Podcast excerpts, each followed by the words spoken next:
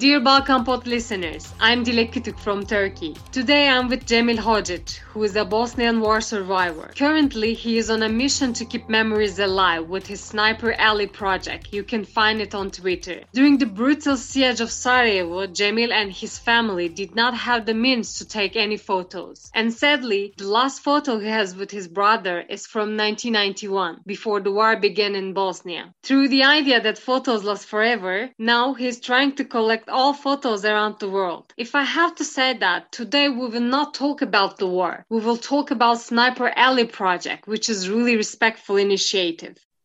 Welcome to Balkan dear Cemil. Thank you very much, and uh, uh, hello to your audience. Thank you very much for this opportunity.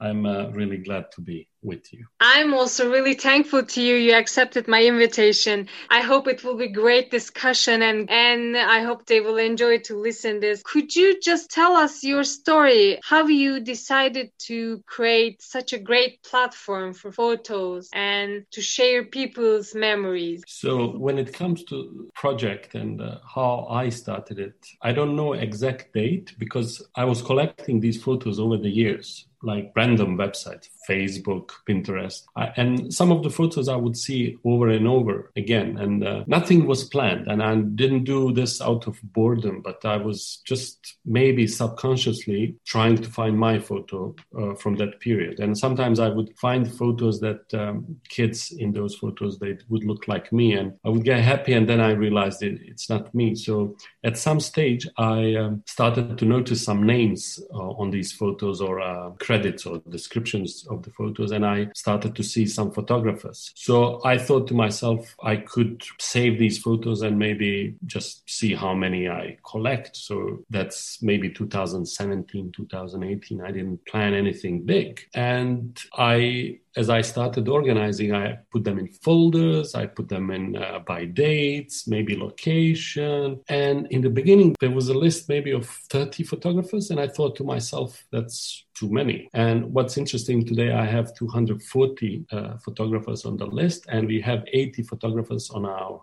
website, and at least 20 to 30 photographers are pending. So they promise to send me photos, but they are busy. So every now and then I get a few photographers, some photos, and I upload them. And uh, as I was collecting and doing these like mind map so to say, of photos. Uh, my friend geo came one day for a coffee, and I showed it to him. I showed him uh, folders, and I thought this this looks interesting. Uh, Guardian has something they call uh, "That's me in the photo." So you have these uh, articles where people recognize themselves in famous photos and then they contact the guardian and they publish it. My thing is kind of reverse. I would put the photo and then people recognize themselves. So my friend gio he he suggested that i start a project. And at first i didn't like that idea at all. I, I was reluctant and uh, but he he said just write it and let's see how, how it goes. So when I wrote my my story, my first draft of my story, I could see the vision and project uh, working, but I hated the idea of sharing it with the world. I would say it took me eight months to launch it because I was debating it with myself how to make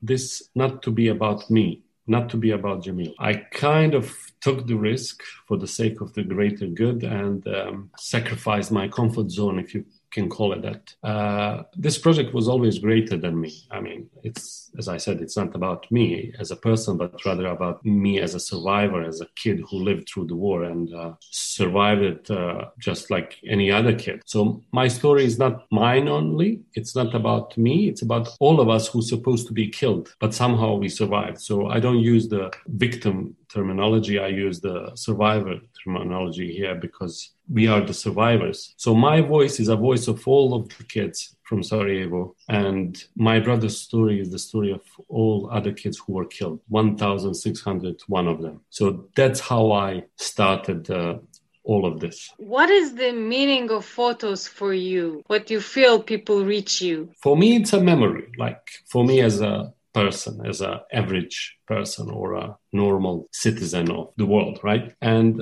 I value photos, I value it a lot, and I want to preserve it for myself and for my community. So if I talk about any photo from my life, it's really important for future generations, for my families, that you you want to preserve the moment, whether it's a, it's a birthday party or graduation, whatever. And most of us we think that way. It's a it's a memory, and uh, usually people see it as such. All of us, but most importantly, it's a document. It's a it's a witness of time, something that we will outlive, and uh, something that will stay forever as a proof not necessarily for crimes and uh, atrocities we survive, but something to teach new generations about one period of uh, our lives, sadly dark period of our lives, but uh, something that's important to be preserved. I, I uh, work as a video editor and uh, I consider myself a journalist, so maybe it was uh, my occupational hazard because I, I deal with the moving pictures. So at some point I started to shift my focus on uh, still photos and uh, that's how I see them. So I hope everyone else will see it as important as I do and get engaged and uh, help me to build this uh, database. I know that you experienced that war. I'm just wondering, uh, what do you say to such argument that republishing photos perpetuates the bad time memory um, in a way on the grounds that initially the photography was part of that brutal war. I guess that's the first thing we think of and that's uh, that's true for so many people. But then you have uh, people who were born at that time who got married at, at that time uh, who got their first bicycles or whatever or graduated during the war. So I don't want to romanticize this period and sound weird, but the fact is, some memories during that time are beautiful. And that is to show that uh, we maintained our humanity. We didn't change and became savages like our uh, perpetrators.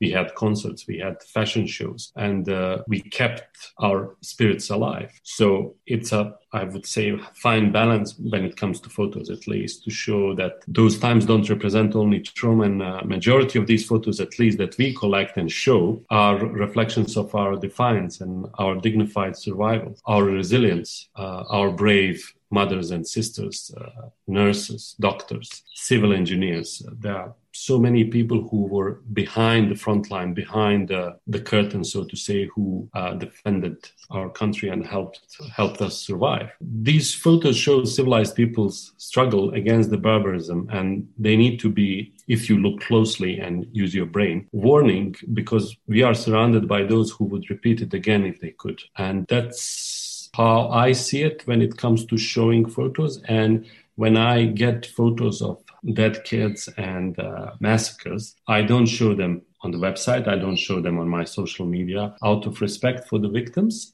And those who need to see them, they can see them. They are archived. They are they are kept alive because those are the proof of of the war crimes uh, Serbs did to us so I I try to uh, it's a stupid word, but I tr- try to keep the balance when it comes to positive and negative stories. Do you make up stories in your dream um, as you see the photos, you know, and also how people uh, reach you to share their photos and how you find these photos, collections, archives? Could you just say us some, you know, technical method that you use? So uh, when I started, I started with Instagram, and I noticed that there are many photographers on Instagram and they are very active. Some of them I contacted and some of them immediately replied. Some of them, even today, after two years, they didn't open their messages because either they are busy or someone else is uh, dealing with their account. Maybe it's not them behind that account. And then I decided that I need to use all the major media account, uh, social media accounts like Facebook, Instagram, Twitter, uh, YouTube, I have, but it's used for different uh, purposes. So I would say 40% of photographers, uh, at least that I was interested in, are on Facebook, 30% in, uh, Instagram, maybe 35, 30, maybe 25% on Twitter, and 10% of them are nobody to be, nowhere to be found, uh, actually, and it's really difficult. So I have to pe- ask friend of a friend of a friend for an email. So email is one way and uh, sometimes they don't reply so i don't know if the the email went to junk. So but the the difficult part as you said i had to uh, push a lot in order to get at least some kind of a contact and once you get the contact with one photographer i try to reach others through him or I buy books, I watch documentary films, I uh, research their exhibitions, and uh, through connections uh, they had, I tried to contact them. And now I'm at least I'm in a contact with at least 50 to 100 photographers, maybe even more. Uh, through this project. And uh, I have to say, all of them are amazing and they are willing to help and, and they offer their photos. Uh, I guess it's a human uh, project, it's not commercial. So I'm not doing this for myself or for money or for fame so they see see it uh, as something they want to be part of and i'm really happy for that because if it was otherwise i guess it would be really difficult to get in touch with them because they get calls for all sorts of stuff. I don't want to sound like uh, complaining but it's uh, just an interesting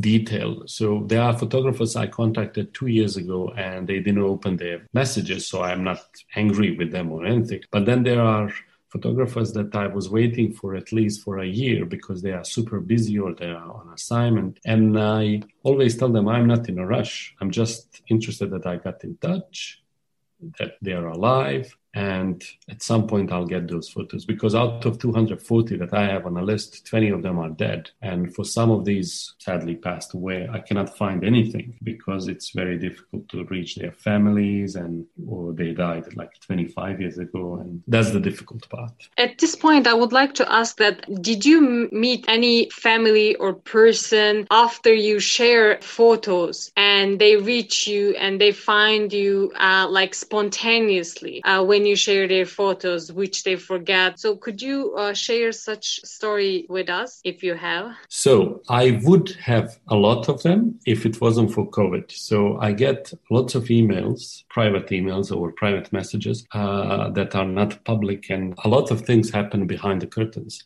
because there are people who are not comfortable talking about this. So when they recognize themselves in a photo, uh, they send me email asking for a few more if I have, or to give them email from a photographer, or to give them a higher resolution of the same photo. So if I was back home, and if it wasn't for COVID, most probably I would meet these people and we would either make an interview or a story out of it or something. Same goes with photographers. I did five interviews uh, and three of them are on our YouTube page. Uh, two of them are still uh, in the editing process. But I have to say, I only met two photographers. Same again, because of COVID, I was not in Sarajevo for almost two years. And uh, that's the difficulty that we are going through now. And majority of these photographers, they had plans to travel to Sarajevo, but they didn't because of all of this. And I was thinking to go visit them. Uh, so let's say regarding your question, I'll uh, give you one detail and I wouldn't wait a second to go to Italy and meet Luigi. Uh,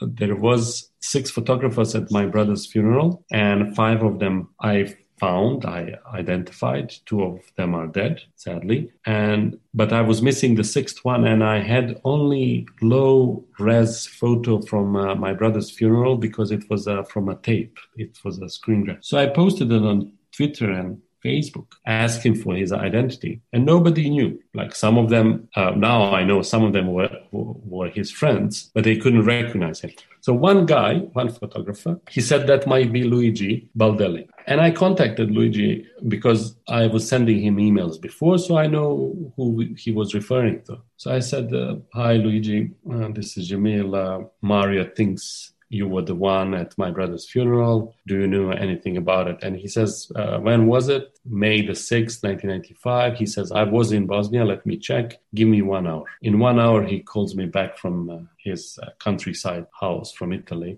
And he says, Yes, that's me. And he was sending me contact sheet photos. So because of COVID, he couldn't scan it. But finally, I found him. He has the photos from my brother's funeral, photos that nobody ever saw for the last 25 years. I have photos from my brother's funeral, but this gives me another dimension and, and I know six, all six of them. So I was planning to go to Italy to meet him, maybe do interview and thank him in person, if, if you will. I have those photos that are not public. Like I'm, I'm telling this to you for the first time and uh, nobody knows about it. So there are a lot of these, but I don't share them because I don't know how other person feels about it. Actually, when I see your photos, firstly, I think that this is not a war photo. This is like a photo for hope, photo for purpose. So, uh, how do you choose the photo to publish? I don't know. I, I'm feeling really hopeful when I see your photos. When I post photos of killed children during the war, those are the documents, those are the proofs of the war crimes. And those are the photos that um, show that those kids who were killed, they have a name, they have a last name, they have an age. And I try to remember them and keep the memory of them alive. On the other hand, we have all sorts of photos of kids who are alive, who survived. And I want to show how they played football, how they had their childhood during the war.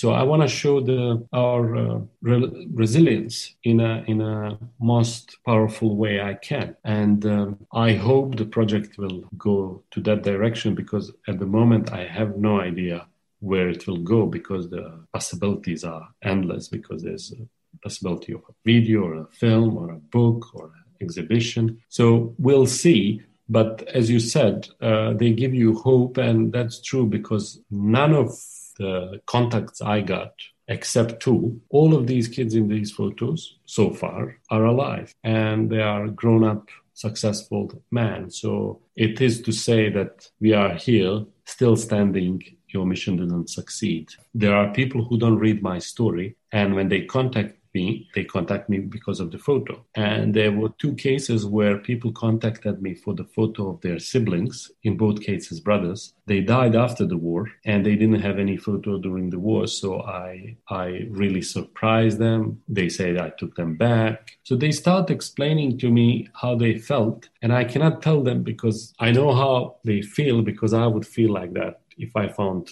uh, my brother's foot. So I'm really happy that by doing this mission that started from me, I'm actually making someone else really happy and I'm doing something for them that I wanted to do for myself. So I can say that my mission is already accomplished because at least 30 people are happy because of this, even if we stopped today at this very moment. I'm sure that you have a great number of photo sources in Turkey uh, due to the fact that uh, many Bosnians immigrated to Turkey during the war. So, did you find any Turkish photographers or journalists who have been in Bosnia during the war and share photos with you? Or do you want to say something for them here? So, my goal was to translate my story into as many languages as possible, and one of the language was uh, Turkish, uh, and I was hoping that I, in that way, I would reach Turkish audience and maybe find photographer. Sadly, so far, I didn't uh, find anyone from Turkey when it comes to photography or for photojournalism. But who knows? Maybe there are because um, I ask people, I read books, I buy books. So there's only one one uh, journalist I, I didn't contact her that I know of,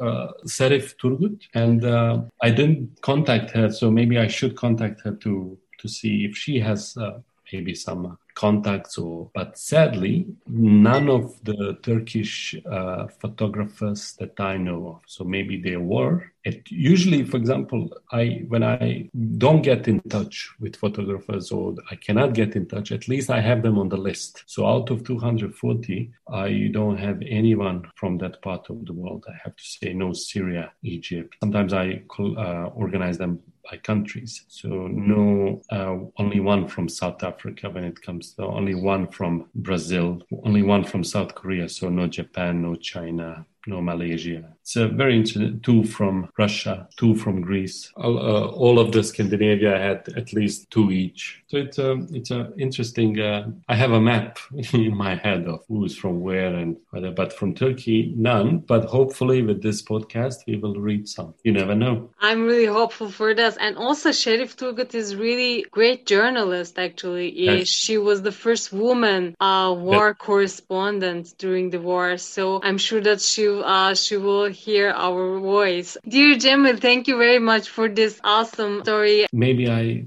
didn't say it enough, and maybe that's why people don't contact me enough when it comes to stories. When I now I'm talking about Bosnians because uh, whoever interviews me, I feel like they are interviewing me uh, uh, because of me, but then I have to explain it's about the project. So I might be representing other kids, but I don't want the fame of it because I'm just one of them, and I I could say I I survived and there are people who didn't survive and maybe we should talk about them as, as well. So i could say something about the healing. So sometimes i think of all of this and about the project and uh, about people contacting me. I don't think this heals anything or because the pain cannot go away, but it, it makes it easier for me because I'm not alone through the project and with doing this project and with all these emails I receive. I realize I'm not alone. So what I would like to finish this podcast with is if more people join me, we will make it bigger, better, and more importantly, we will preserve what we went through so it's not about one person, me or someone else. It's about all of us. It's about our community. And it's about our history. I really didn't imagine such a great words to finish our podcast. So I really would like to thank you. Uh, so I'm really nice to meet you. Thank you very much for inviting me. I'm uh, privileged and honored to, to be with you. And hopefully, after COVID is done, we will meet in person. Okay. Dear listeners, see you next week, same day and same time.